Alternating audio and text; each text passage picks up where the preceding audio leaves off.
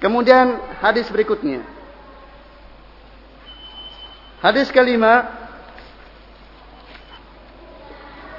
An Ummul Mukminin Ummi Abdullah Aisyah radhiyallahu anha qalat qala Rasulullah sallallahu alaihi wasallam man ahdatsa fi amrina hadza ma laysa minhu fa huwa rad rawal Bukhari Muslim wa fi riwayat li Muslim man amila amalan laysa ali amruna fa huwa rad dari Ummul Mukminin Ummi Abdullah Aisyah semoga Allah meridainya. Beliau berkata Rasulullah sallallahu alaihi wasallam telah bersabda barang siapa yang membuat hal yang baru di dalam urusan kami itu dalam agama kami sesuatu yang bukan darinya maka tertolak. Hadis riwayat Bukhari Muslim. Dan dalam riwayat Muslim Barang siapa yang beramal dengan sebuah amalan yang bukan atau yang tidak ada padanya perintah kami maka tertolak. Sebagaimana sudah tersebut dalam hadis pertama, hadis ini termasuk satu di antara tiga hadis usuluddin. Inamal malu biniat. Itu hadis yang merupakan standar benarnya amal batin adapun hadis Aisyah ini hadis yang merupakan standar benarnya amal zahir. Amal zahir dinilai benar kalau kemudian dia sesuai dengan sesuatu yang dibawa oleh Rasulullah sallallahu alaihi wasallam. Dan kalau menyelisih yang dituntunkan oleh Rasulullah sallallahu alaihi wasallam ikhlas bagaimanapun juga maka amal tersebut tidak diterima dan tidak dianggap sebagai amal soleh. Dari hadis man ahdasa fi amrina hadza itu yang membuat perkara yang baru dalam urusan din ini fi amrina eh fi amri dinina atau fi dinina maka mencakup seluruh perkara yang baru baik perkara i'tiqadiyah qauliyah maupun amaliyah Perkara akidah, perkara ibadah maupun perkara muamalah.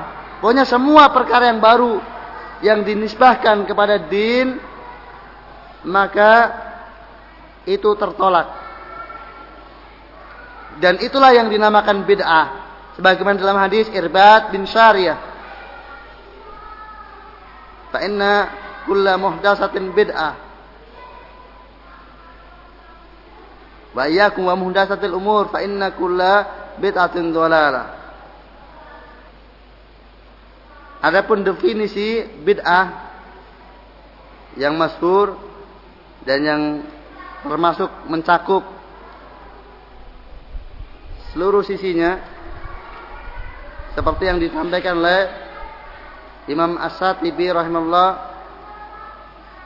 tariqatun mukhtara'atun fid din tudahi asy-syariah yuqsadu bisulukiha at-ta'abbud jadi tariqah jalan yang baru dalam din yang menyerupai syariat yang dimaksudkan dengannya untuk beribadah kepada Allah Subhanahu wa taala. Maka bisa dikatakan bahwasanya bid'ah itu memiliki ketiga kriteria yaitu dilakukan secara terus menerus. Kalau itu akidah berarti menjadi keyakinan dia terus menerus selama dia berkeyakinan tersebut. Kemudian kalau amalannya diamalkan secara rutin baik amalan lisan maupun amalan jawarih dia beriltisam dengan keyakinan tersebut atau amalan tersebut atau perkataan tersebut. Kemudian yang kedua baru. Itu dalam arti tidak ada contohnya. Hal itu tidak ada dalil syar'inya. Kemudian yang ketiga menyerupai syariat. Baik dari sisi sifatnya atau dari si asarnya. Dari sisi sifatnya Yaitu sifat-sifatnya seperti sifat-sifat syariat. Untuk diketahui bahwa sifat-sifat syariat itu ada kalanya tertentu waktunya atau tertentu tempatnya atau tertentu jenisnya atau tertentu jumlahnya atau tertentu tata caranya. Kemudian dari sisi asarnya yaitu dari sisi tujuan dilakukan hal tersebut yaitu untuk mendekatkan diri kepada Allah dan mencari pahala. Maka kalau kemudian ada kegiatan yang memenuhi kriteria ini, maka itulah bid'ah. Saya jelaskan sedikit tentang maksud dari tertentu waktunya seperti misalnya sholat. Kan sudah tertentu waktunya. Maka kalau kemudian seseorang dia mengadakan sholat dengan tertentu waktunya yang tidak ditun, tidak dituntut oleh syariat maka itu bid'ah atau dia mengganti sholat yang sudah tertentu waktunya berpindah kepada waktu yang lainnya itu juga bid'ah yang tertentu tempatnya. Seperti haji misalnya. Sudah tertentu tempatnya. Maka kalau kemudian ada upaya mengganti haji di Indonesia saja misalnya, karena setiap tahunnya banyak jemaah haji, supaya tidak ngirit biaya kan, sayang toh sama-sama ke sana apa toh wujudnya oh batu, ya dibuatlah batu dengan bangunan seperti itu sudah, tidak usah jauh-jauh ke Mekah. Muspro banyak sekali apa uang yang dibuang setiap tahunnya. Bahkan kemudian karena terlalu parah nanti banyak yang mati. Pindah saja di Indonesia. Untuk orang Indonesia di Indonesia. Sebagaimana sholat bisa di mana saja. Demikian juga haji. Nah ini bid'ah. Demikian juga kalau seorang menentukan tempat tertentu untuk sebuah amal ibadah yang syariat tidak menetapkan ketentuan tempat tersebut, maka itu bid'ah. Kemudian dari sisi jenisnya, misalnya zakat fitrah, jenisnya sudah ditentukan, yaitu kut, makanan pokok. Maka kalau kemudian ada orang berzakat fitrah dengan anggur merah bagi masyarakat Indonesia, walaupun 10 kilo tidak diterima, sehingga dia berzakat fitrah dengan beras. Karena demikianlah jenis sudah ditentukan yaitu kut makanan pokok di negeri di mana dia hidup. Kemudian ditinjau dari jumlahnya. Seperti sholat misalnya sudah ditentukan bilangan rokaatnya. Demikian juga zakat, misalnya zakat mal, sudah ditentukan bilangan persennya. Maka barang siapa yang menggantinya dengan bilangan yang lainnya, maka itu beda. Demikian juga seandainya seseorang membuat amalan tertentu dengan jumlah tertentu yang tidak ditentukan oleh syariat, maka itu beda. Karena dia telah membuat sesuatu yang menyerupai syariat dari sisi sifatnya. Kemudian tentang tata caranya atau kaifiahnya. Seperti misalnya sholat atau haji dan sebagainya. Tata caranya dengan cara ruku, sujud, kemudian duduk di antara dua sujud dan sebagainya. Maka kalau kemudian ada orang membuat amal ibadah dengan kaifiah tertentu yang tidak ditentukan oleh syariat, maka itu bid'ah.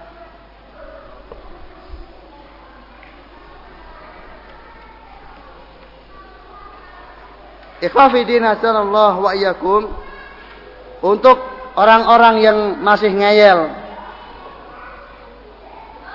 terhadap bid'ah kalau kemudian mereka beralasan bahwasanya itu kan baik masa orang berzikir kemudian dilarang masa orang sholawat dilarang masa orang melakukan demikian dilarang dong kebaikan maka coba ajak bicara dia kepada sesuatu yang mesti dia mengingkarinya. Pak, kalau saya mau sholat subuh empat rakaat gimana Pak? Ya jelas tidak boleh. Mengapa? Lu kan baik. Daripada dua rakaat lebih baik mana? Empat rakaat atau dua rakaat? Banyak tahlilnya lo. Sujudnya lebih banyak. Takbirnya lebih banyak. Bukankah sujud, ruku, takbir dan kebaikan karena terlarang mana larangan? La soli subuh arba rakaat mana? Ya karena contohnya apa? Tidak ada contohnya. Contohnya ketentuannya dua. Tidak boleh empat. Walaupun baik menurut kita, tapi jelek menurut syariat. Ya sudah. Demikian juga apa yang Bapak lakukan. Baik menurut Bapak, jelek menurut syariat kalau nggak ada contohnya. Karena demikian. Jadi baik menurut kita, tapi kalau tidak ada contohnya jelek menurut syariat.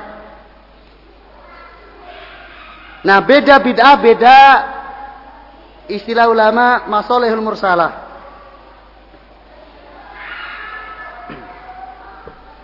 Orang yang tidak paham hakikat bid'ah dengan sebenarnya dia akan rancu dengan maslahah masolehul mursalah.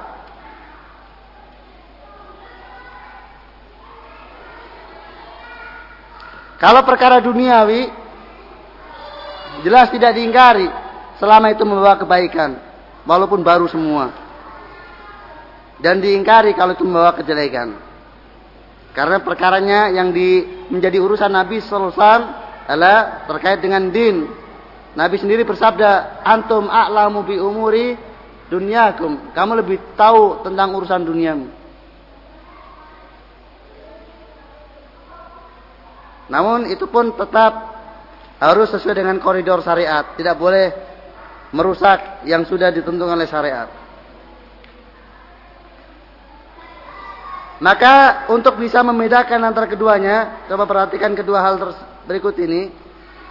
Bahwa masal mursalah itu terjadi pada perkara duniawi atau pada sarana. Ini wasilah demi penjagaan lima makosid syariat yaitu agama, jiwa, harta, keturunan dan akal. Sementara bid'ah terjadi pada ibadah atau goyah, pada goyahnya.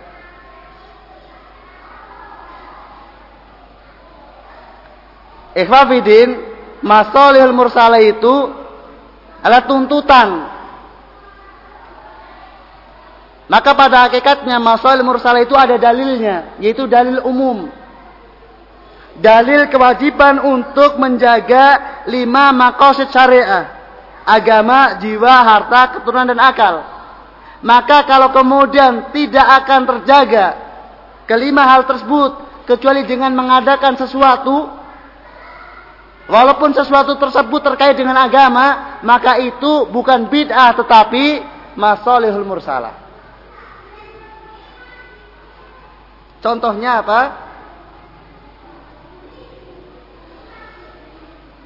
Pencatatan mushaf misalnya.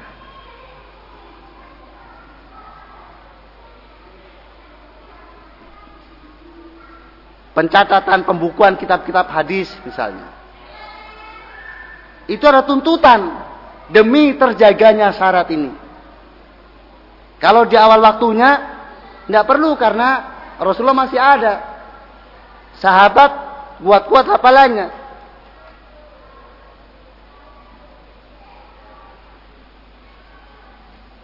Demikian juga pencarian Al-Quran. Mereka pada hafal. Dan wahyu juga masih turun. Rasulullah masih hidup bersama mereka.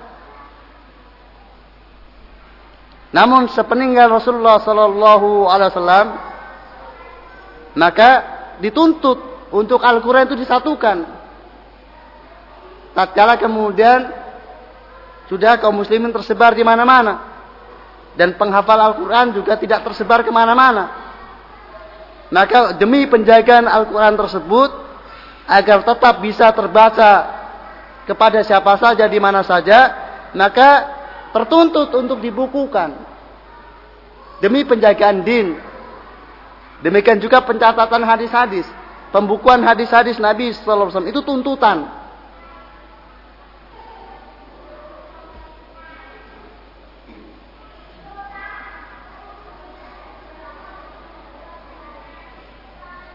Bahkan demikian juga terhadap hukum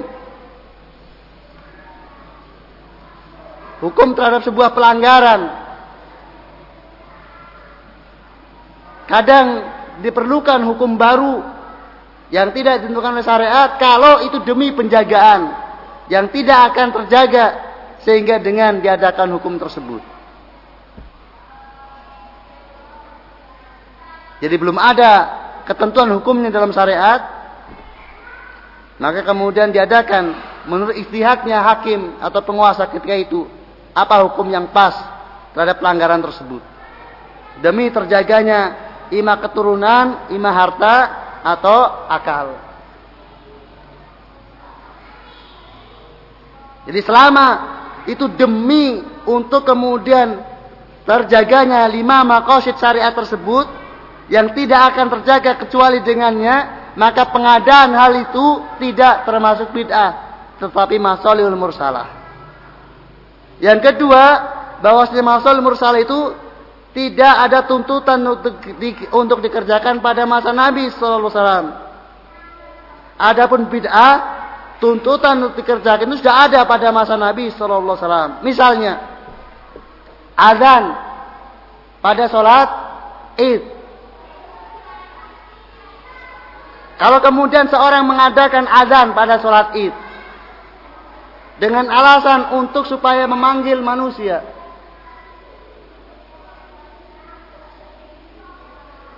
Maka kebutuhan adzan untuk memanggil manusia di sholat id sudah ada atau tidak pada masa Rasulullah?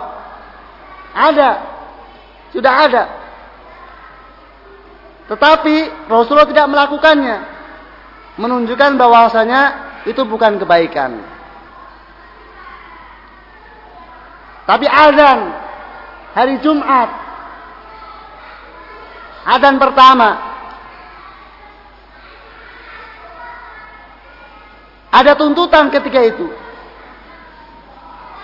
Pada masa Rasulullah, Madinah masih kecil. Terdengar azan ke segenap rumah-rumah yang ada. Tatkala imam naik mimbar, tapi tatkala Madinah sudah luas di masa Utsman bin Affan. Maka azan tidak terdengar ke mana-mana. Sementara kadang orang lale kalau waktu sudah masuk maka dibutuhkan azan pertama untuk mengingatkan. Ditinjau dari sisi ini, ini bukan bidah karena tuntutan demi penjagaan sholat Jumat, kehadiran mereka pada sholat Jumat. Dan ditinjau dari sisi yang lainnya, yaitu karena ini sunnah khulafaur rasyidin. Maka bukan bid'ah. Sama sebagai jam sama sebagaimana jamul mus'ab. Penggabungan mus'ab menjadi satu kiroah. Mus'ab Usmani misalnya. Ditinjau dari sisi tuntutan demi penjagaan agama, penjagaan perpecahan.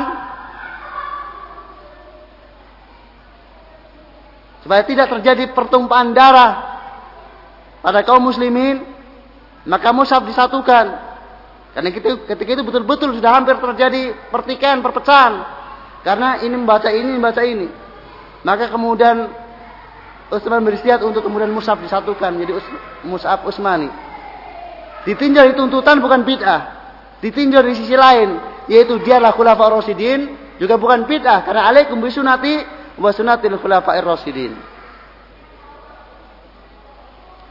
Maka kita dengan mudah kalau kemudian ada sebuah perbuatan agama yang itu memungkinkan dilakukan oleh Rasulullah dan para sahabatnya ketika itu memungkinkan ada tuntutan untuk melakukannya, tapi mereka tidak melakukannya, itu menunjukkan kalau dilakukan sudah masa berikutnya maka itu bid'ah.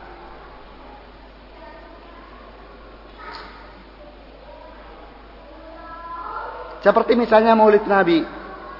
Perayaan Maulid Nabi demi membangkitkan rasa cinta kepada Nabi Shallallahu Alaihi Wasallam. Itu tuntutannya ada atau tidak pada masa Nabi atau pada masa sahabat? Eh, ada atau tidak? Tuntutannya? Eh? Ada.